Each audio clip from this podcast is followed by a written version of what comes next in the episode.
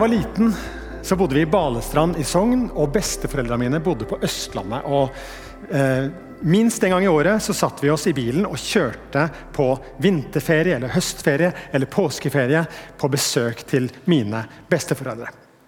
Da var det tre rutiner som gjaldt. Den ene den var å sette oss brødrene eh, vi, var, vi, er bare gutter eh, så trangt som overhodet mulig bak i baksetet på bilen, slik at ikke vi merka at ikke vi hadde bilbelte. Dette var en tid hvor man ikke hadde bilbelte bak i bilene. og Sitter du trangt nok, så gjør det ingenting. Da går det veldig bra. Det andre var NAF veibok. Husk at dette var før GPS, og før man liksom hadde kontroll på hvor man var i verden. Eh, NAF veibok gjaldt. Det å planlegge turen, det å liksom legge en løype for skal vi ta den fjellovergangen eller den fjellovergangen, og hvor må vi i så fall ta av for å komme til riktig sted. Det var også en sånn fast greie med NAF veibok. Og For det tredje så var det niste. Mamma pakka en, en toliters eh, isboks med lokk, med brødskiver, med eh, ofte brunost, noen ganger kokt egg. Det var alltid en stor glede når denne boksen ble tatt opp og dunsten av kokt egg kom ut i bilen sammen med termoskaffe. Fantastisk glede å få lov til å være på tur. Vi var sammen, vi skulle no til noe veldig bra, vi hadde målet i sikte, og vi fikk det til hver gang. Og Som kirke så er det også noe med det der å finne fram kartet. Se litt på terrenget. Bli litt, sånn enig med seg sjøl om tempoet, farten eh, og retningen vi skal ta. Anna talte forrige søndag. Den talen må dere høre på podkast hvis dere ikke har hørt den allerede. Den er knallbra. Finn den på Spotify eller hvor du pleier å høre podkast. Hun minte oss forrige gang om dette med at vi er i et maraton og ikke i en sprint. Så la oss porsjonere ut kreftene våre. folkens. La oss ha store ambisjoner og målsetninger for vårt eget liv i etterfølgelsen av Jesus, men la oss ikke tenke at vi skal få til alt på en gang. Så istedenfor å prøve så veldig hardt, sa Anna, så handler det kanskje om å øve. Så la oss gjøre det. Så stiller vi oss inn under Guds velsignelse. Og så er vi i hans nærvær med våre liv. Og så ønsker vi å la hans kjærlighet få prege oss. Og så er vi opptatt av vår relasjon til Gud. For når vi er det, så tror vi at vi kan bære mye frukt. For han sier i sitt ord at når vi blir i han, så kan vi bære mye frukt. Alternativet å ikke bli i han, eller å forsøke å bære masse frukt sånn på egen hånd, det er omtrent som å være en sånn grein som er avskåret fra et tre. Den klarer ikke å bære veldig mye frukt. Men blir vi i Han, sier Guds ord, så bærer vi faktisk mye frukt. Vi har en visjon i denne kirka, og der står det at vår felles drøm er å bygge en hensiktsdrevet og voksende kirke, der mennesker utfordres til et liv i etterfølgelse av Jesus, og sammen gjør ham kjent i vår verden. Og Det er det siste der jeg skal si noe om i dag. Sammen gjør vi han kjent i vår verden. Vi skal lese et avsnitt fra Lukas evangeliet sammen. Lukas 8, 22-25. En dag gikk han ut i en båt sammen med disiplene og sa til dem La oss sette over til den andre siden av sjøen. De la ut, og mens de seilte, falt han i søvn. Da kom en virvelstorm kastende over sjøen. Båten begynte å fylles med vann, og de var i stor fare. De gikk bort og vekket ham og sa, 'Mester, mester, vi går under!' Da reiste han seg og truet vinden og bølgene, så de la seg, og det ble blikk stille. Han sa til dem, 'Hvor er deres tro?' Men de var grepet av frykt og undring og sa til hverandre, 'Hvem er han?' Han befaler både vinden og sjøen, og de adlyder ham. Det er tre ting jeg skal si i denne talen. Og Det ene er at det er han vi skal gjøre kjent. Det andre er at vi skal gjøre han kjent sammen. Og det tredje er at vi skal gjøre han kjent i denne vår verden. Jeg er så glad for at det er Jesus vi skal gjøre kjent, og ikke Bergen frikirke. Selv om vi har en veldig bra logo og en dag skal få en veldig bra nettside, så er det ikke Bergen frikirke vi skal markedsføre dere. Og Jeg er så glad for at ikke det er pastoren som i dag har 40 og som kanskje en gang i framtiden har 100% hvis menighetsmøtet vil, det er ikke han sin fortreffelighet i formuleringer eller i humor eller i kjekke jeans. Det er ikke det som er greia med denne kirka, at vi skal markedsføre han, men det er Jesus vi skal reklamere for. Og det er jeg utrolig glad for. Så når vi kommer til gudstjenesten deres, så skal vi få lov til å flytte fokus ifra det vi har med oss hjemmefra. fra omstendighetene der ute, fra følelsene her inne, skal vi gå inn i dette rommet, og så er vi på gudstjeneste sammen. og Så retter vi blikket oppover på Han. Og så bryr vi oss ikke så veldig om, Selv om møteledelsen var knallbra, så bryr vi oss ikke så veldig om hvordan møteledelsen var. Eller hvilke sanger de spilte. for Fokuset vårt er ikke det. Fokuset vårt er Jesus. Det er han denne kirka her sentrerer rundt. Det er han gudstjenestene vi er på her i Bergen frikirke handler om. Og det er han vi skal dele med resten av verden. Får jeg et amen på den? Det er så bra, det, altså. Jesus er vår konge. Jesus er vår frelser. Jesus er vår herre. Men han er ikke alltid like forutsigbar. I slutten av den første Narnia-filmen så sier faunen Tømnes til Lucy han er ingen tam løve. Nei, sier Lucy, men han er snill. Og begge deler er sant. I denne situasjonen så står det om disiplene at de var i stor fare. Når jeg var liten, hadde vi ikke bilbelter, og disiplene hadde ikke redningsvester. Og Om de kunne svømme eller ikke, det vet vi ikke. Men det står her at de var i stor fare. Og like fullt så ligger Jesus altså og sover om bord i båten. Mine barn ler litt av meg. Nå eh, høres det kanskje ut som vi flyr veldig mye, eh, eller kjører bil. Eh, når jeg var liten, og nå flyr vi og sånt. Det er en stund siden dette her, men Jeg har en tendens til å sovne i flyet mens flyet takser bortover på rullebanen. Og Hvis ikke jeg sovner da fordi jeg sitter og leser, eller noe sånt, så sovner jeg gjerne mens det er litt turbulens og flyet rister litt. sånn, da, da, da faller jeg dypt i søvn. Jeg har en egen evne til det, en trygghet og ro i situasjonen. Og Uten sammenligning for øvrig så tenker jeg sånn om Jesus, at han hadde roen uansett. Og I denne situasjonen så ser jeg for meg at her, er det, her seiler de. Det er en liten sånn dupping i bølgene, og i denne båten så er det en pute, står det i en av, en av tekstene som omhandler samme historie. Og den, På den puta la han hodet sitt ned og velsigna Jesus at han kunne få sove litt og få lov til å hvile litt. Så stritt og hektisk som livet var for Guds sønn her på jorda. Han sov. Og så utvikler situasjonen seg til langt fra idyll. Mens Jesus ligger der og sover, så kommer det en virvelstorm kastende. Båten begynner å ta inn vann. Bølgene blir så store at de truer med å velte hele båten. og Disiplene er i stor fare, og Jesus sover. I Markus står det at de roper til Jesus og sier, 'Mester, bryr du deg ikke om at båten vår går under?' Og Sånn roper en verden, en lidende verden til Gud i dag. Og Av og til så anklages vi kristne. Så sier de hvordan kan dere tro på en god Gud i en verdensversjon? I en verden hvor det er pandemi, i en verden hvor det er jordskjelv og naturkatastrofer, i en verden hvor det er krig, og så tror du likevel på en god Gud. Forklar meg det.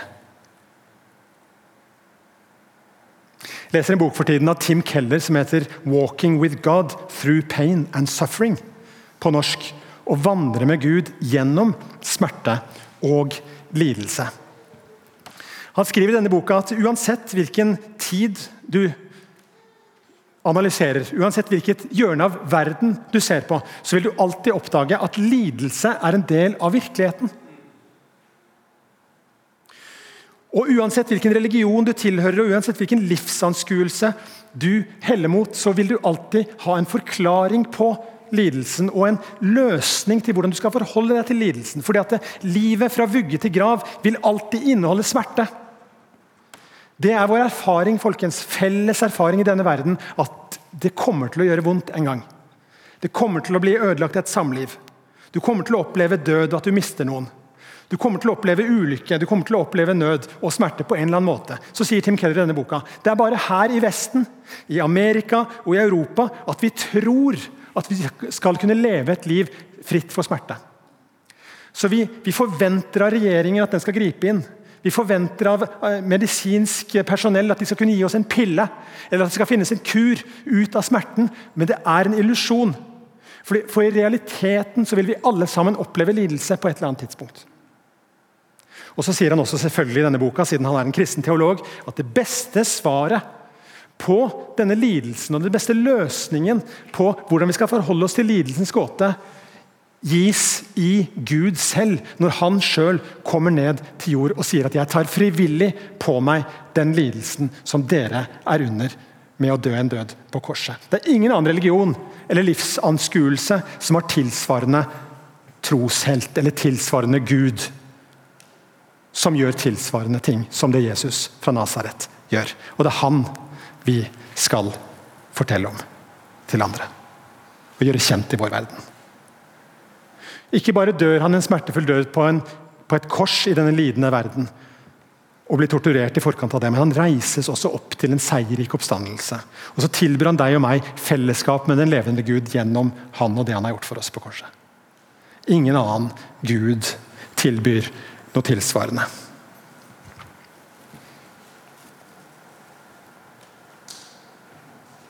Det er han vi skal gjøre kjent.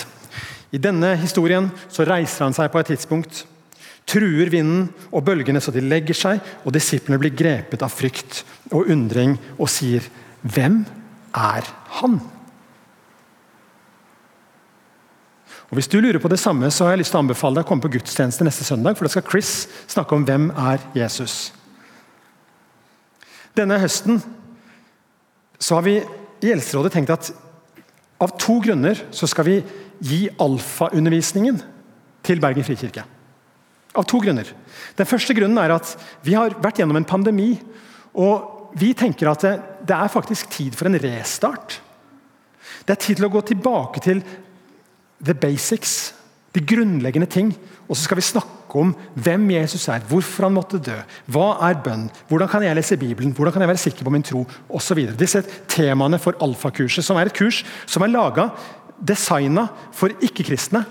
For at de skal kunne få en innsikt i hva kristen tro handler om, og få en trygghet i gruppesamtalen til å kunne stille all verdens spørsmål, og dermed kunne nærme seg troen på Gud i sitt eget tempo. Det er det alfakurset egentlig er. Vi tar bare ut undervisningen, og så sier vi vi har lyst til å ta de temaene og undervise om det her i Bergen frikirke. Så fram mot advent, med noen avbrudd, så blir det alfaundervisning for dere og for oss her i Bergen frikirke. Og det gleder jeg meg til.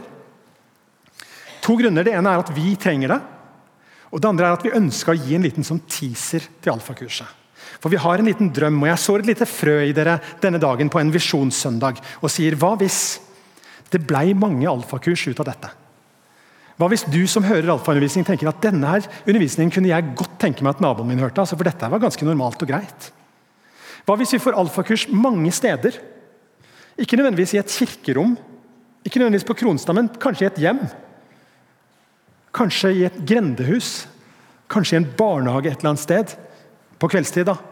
Når parkeringsplassen er ledig. Alfakurs har jeg veldig tro på. Det er et instrument som Gud har brukt til å nå mennesker verden over. På tvers av kirkesamfunn har millioner sett det kurset, og mange hundre tusen kom til tro på Jesus. Og Jeg tror og drømmer om og ber om at vi skal få se noen fra denne byen også komme til tro pga. alfakurs. Vi får se. Jeg så et lite frø i dag. Hvis ikke det er eller for å si det sånn, Jeg håper at noen har lyst. Jeg håper at noen lar seg engasjere av det. Men aller først skal vi altså sammen få lov til å nyte undervisningen sjøl på våre gudstjenester. Disiplene undra seg hvem er han? Hvem er han? Ikke så veldig lenge etter så spør Jesus hvem sier folk at jeg er. Og Vi kunne tatt den der mikrofonen og det kameraet med oss ut i Bergens gater og sagt hvem er Jesus? Hvem sier du at Jesus er? Og Vi hadde fått veldig mange forskjellige svar. Og Det er mange som synser om Jesus, det er mange som mener noe om Jesus fra Nasaret. Og, og, vi har ulike religiøse systemer også som gir ulike svar på hvem han var. Og Noen tenker at jeg må svare det som min religion sier. Men det beste hvis man vil finne ut hvem Jesus er, er selvfølgelig å ta en skikkelig faktasjekk. Og Det gjør vi ved å lese en av de fire biografiene som vi har om Jesus. Markus, Matteus, Lukas og Johannes. For Det er nemlig øyenvitner det er samtidig av Jesus som ga sin versjon av hvem Jesus fra Nasaret er. Så Det er det vi bør og kan og skal si til våre venner når de lurer på denne troen vår. Se sjøl, da. Ta en faktasjekk. Les en av biografiene. Det anbefaler jeg alle. Jesus spurte også Peter, men dere da, sa han til disiplene. Hvem sier dere at jeg er? Én ting er hva folk sier, men hva sier dere? Og Så sa Peter på vegne av de alle sammen, du er Messias, den levende Guds sønn. Og Da sa Jesus noe interessant, for han sa dette her, Peter, det har du ikke kommet på sjøl. Og Dette er ikke det mennesker som har overbevist deg om, men dette her har du fått åpenbart fra min far i himmelen. Så vi kan gi informasjon, dere. Vi kan gi kunnskap og dele kunnskap. Og Vi ønsker å gjøre Jesus kjent, men det er bare Far i himmelen som kan åpenbare seg sjøl for mennesker. Og Det er min, min eh, eh, trøst når jeg syns det høres umulig ut at vanlige folk i gata i Bergen skal kunne komme til tro på Jesus. Og til og med folk med andre religiøse bakgrunner, eller nominelle kristne, eller, eller, eller, ateister, skal kunne komme til tro på Jesus og bli en del av et kristent fellesskap og begynne å følge Jesus. Det høres, det høres ut som en nesten umulig ting når man begynner å se rundt seg. Men han kan åpenbare seg. Og det er det person etter person, mann etter mann, kvinne etter kvinne, som har erfart, også i denne byen, at jeg ba en bønn til Gud og så åpenbarte han seg for meg. Så viste han meg at han er den levende Gud. Og det er det han er. Så Vi skal gjøre han kjent, men vi skal ikke gjøre nødvendigvis den der følelsen at vi skal gjøre arbeidet. Vi skal forsøke å få det til. Nå skal vi være smarte, nå skal vi være lure. Vi skal rett og slett bare gjøre han kjent, og det er veldig mange måter å gjøre det på. Og så vil han ta ansvaret for å åpenbare seg for mennesker. Som fellesskap så tenker vi langsiktig. I kjelleren under oss her så har vi søndagsskole. Det er viktig for oss. Barna i denne kirka er viktig for oss. For tiden har de egen inngang, og vi ser det ikke så mye her oppe, men etter hvert så blir det mulig igjen å se de av og til, og få et sånt tau der folk kommer etter tauet og går ut igjen. De som ler litt nå, har vært i kirka en stund og husker at tauet er en viktig del av liturgien i Bergen frikirke. Det er viktig for oss med barna og Det er viktig for oss med foreldrene til disse barna. og Vi ønsker å ha foreldrekvelder, vi ønsker å snakke om fasen som de har kommet inn i når de har begynt å få barn. Det er viktig for oss. Og så har jeg lyst til å si at Det single og unge par uten barn er også, viktig, er også viktig for oss. Du er i en viktig fase av ditt liv. Og du har kanskje litt sånn, du åpner, Livet åpner seg litt, du kanskje begynner å tjene penger. Ja, nei, det, å, det, det er ikke viktig for meg å si. Men du, du er inne i en profesjon. ikke sant? Du har begynt å arbeide på noe, og kanskje har du en lang karriere foran deg. Og hva nå? Dette er et utrolig viktig punkt. Bergen frikirke er ikke bare til for barnefamilier. dere. Du er utrolig velkommen som singel, ung voksen, kjærestepar, andre uten barn. Veldig velkommen. Du er viktig for oss. Voksne i denne kirka er viktig for oss. Eldre i denne kirka er viktig for oss. Og vi har forskjellige faser av livet. Og jeg har så lyst til at I denne kirka så skal du oppleve at du er velkommen. At du er elska. At du får lov til å være en del av dette fellesskapet. Får lov til å bruke deg sjøl. Og får lov til å gi av deg sjøl. For hva er fellesskapet annet enn at vi gir litt, og så får vi litt? Jeg har så lyst til å invitere deg til å se rundt deg og tenke hva kan jeg bidra med? Hvordan kan jeg være et medmenneske i denne menigheten? Ofte er det små ting som skal til. Små ting som skal til for å skape en oppmuntring eller en endring i et annet menneskes liv. Både til de andre i kirka vår, og til de som ennå ikke tilhører vårt fellesskap. Vi ønsker å gjøre han kjent. Og det er mange måter vi kan gjøre det på. Disiplene til Jesus de var mye sammen. Denne dagen her så var det båttur, andre dager var det fjelltur, men mest av alt så var det fottur. De vandra sammen med Jesus. Han hadde jo tross alt sagt 'følg meg'. Og Denne dagen gikk han altså om bord i en båt og så sa han, la oss legge over til den andre siden av sjøen. Han sa ikke 'noen som vil være med på båttur i dag', opp med hånda. Nei, han inviterte hele fellesskapet inn. For han hadde en plan for denne dagen. Han hadde noe som han ønska at de skulle få erfare sammen. Og De kunne jo satt seg ned og begynt å diskutere Nja, båttur er greit, men den poengsen på denne jeg vet ikke helt, Kanskje vi skulle hatt bedre puter om bord? Eller at det, eh, hvis jeg hadde hatt en større båt, så skulle jeg lagt ut med en gang. Ja, Men de gjorde ikke det. Det eneste som står her i denne teksten, det er da de la ut. De gjorde det. La oss, sa Jesus, og responsen var det gjør vi. Alle var med. Alle var med. Denne høsten her så skal vi ha noen bønne- og lovsangskvelder. Tre stykker av de. Og Det er også en sånn fellesting hvor G17 og G19 og Next Level og G11 sammen fyller dette rommet med bønn og lovsang. Og Jeg har liksom forventning til akkurat de tre kveldene der. For Det blir en sånn atmosfære av at det, det handler ikke om sånn mange ting vi skal gjøre opp på toppen her av scenen, men det handler om at vi skal være i bønn sammen. Så Jeg lengter etter å høre Jesu tiltale. Jeg lengter etter å høre han si dette, mine barn, er det jeg ønsker å gjøre i denne byen. Og jeg ønsker å bruke dere til det. Og Jeg har liksom litt tro på at de kveldene der, ikke fordi at ikke vi ikke kan få sånne åpenbaringer når vi er for oss sjøl, når vi sitter alene og ber, så kan Gud tale til oss, selvfølgelig. Men jeg har også litt tro på at at når vi er sammen som menighet og søker Gud sammen i bønn og lovsang, så tror jeg at vi skal få erfare fellesskap. Og at vi skal få lov til å erfare at vi kan få lov til å tjene hverandre med de nådegavene vi har, og vi kan lytte til Gud sammen. Jeg drømmer om å høre Han tale til oss. Fordi at det, det er sammen vi skal gjøre Han kjent. Det er sammen vi skal gjøre Han kjent, og vi trenger hverandre i det. Så jeg gleder meg til denne høsten. Jeg gleder meg til det som ligger foran for denne kirka. Og jeg gleder meg over å være sammen med deg i dag. Det var mitt andre punkt, og jeg har kommet fram til mitt tredje. Og Der står det at det er i vår verden vi skal gjøre Han kjent. Denne verden. Det er hjerteskjærende å se nyheter for tiden, er det ikke det, folkens?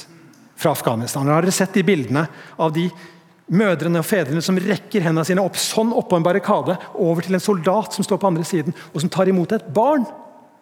Så dere bildet på Dagbladet i går av en norsk soldat med stor biceps og Norge sitt flagg der, men med en liten baby i hendene? Finn en feil. Han skulle ta med denne babyen forhåpentligvis til et tryggere liv enn det livet den babyen forlot i Afghanistan. Det er hjerteskjærende å se hva som foregår akkurat nå. En islamistisk gruppering har tatt over kontrollen i et land, og mange flykter i desperasjon. Det sier ikke så lite om den desperasjonen når du er villig til å gi fra deg ditt eget barn som forelder. Det å skulle gjøre Jesus kjent i vår verden kan ta mange former. Det kan handle om forbønn for Afghanistan. Og vet du hva, Det må vi gjøre, folkens. Vi må be for Afghanistan akkurat nå. Det kan handle om små, praktiske ting som du gjør i din hverdag for å lindre nød i ditt nabolag eller der. Jesus, når han gikk fram, så helbreda han syke. Drev ut onde ånder. Forkynte at Guds rike er kommet nær, og sa 'følg meg'. Det siste handler om en relasjon til han. Så Når vi skal gjøre Jesus kjent, så ønsker vi å få folk inn i en relasjon til han. Men det er ikke det eneste vi skal gjøre. Vi skal også gjøre Jesus kjent rett og slett ved å gjøre gode gjerninger der ute. Og ved å bry oss om en verden som er i nød. Vet dere mye om Afghanistan? Noen rister på hodet. Jeg skal ikke si så mye. Jeg vet ikke så mye heller. Men jeg vet dette. Det er bare ett annet land i verden hvor antall kristne vokser raskere enn i Afghanistan, og det er Iran. Kristne, den kristne kirke av afghanere i Afghanistan eller på utsiden av Afghanistan vokser med 16% i året. Det er wow. Og det er helt ufattelig. For det er livsfarlig å bli kristen i Afghanistan. Det er en ekstrem forfølgelse de utsettes for. I denne historien, og nå skal jeg avslutte,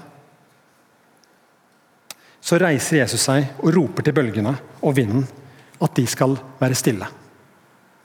Det er ikke alltid han gjør det med en gang. Det er ikke alltid Guds timing er vår timing. Han har ikke lovt oss utfrielse med en gang fra all smerte og ondskap som vi erfarer. Men han har lovt én ting, og det er at han vil være med. Det har han lovt så mange ganger. Skal vi ikke heller la det være vårt evangelium, da? At han vil være med. Og Så kommer det også et punkt hvor han reiser seg. Og det kommer. Enten på denne siden av evigheten eller i den neste. Hvor han sier til bølgene Ti å være stille. Jeg har makt over bølgene. Jeg har makt over vinden. Jeg er din redning. La oss be. Himmelske Far, vi takker deg for at du sendte din sønn Jesus i kjøtt og blod til vår verden. Og at han var villig til å ta på seg lidelse og død på et kors. At han ble reist opp igjen fra de døde og er en levende frelser i dag. Takk, Jesus, at du er vår Herre. At vi skal få tilbe deg i dette rommet. At vi skal få ære deg i denne kirka. Og så takker vi deg for Sanna som du har sendt til vårt land. Takker deg for at vi har fått lov til å ta imot henne og gjøre henne til norsk statsborger. Og jeg ber om at hun skal få et godt liv her. Jeg ber at du skal være nær hos henne.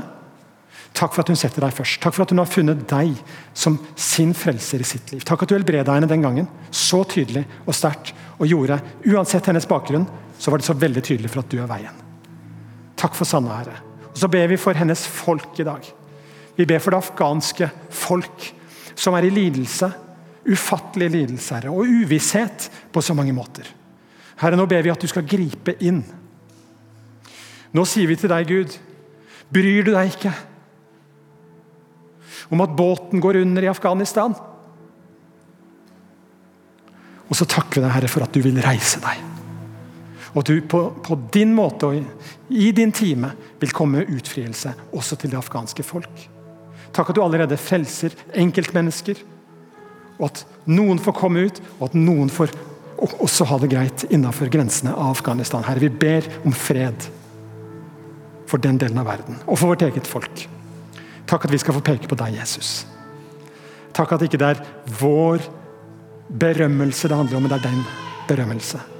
Takk at vi Jesus skal få lov til å invitere oss sjøl inn i din nærhet. At du kaller oss inn til deg.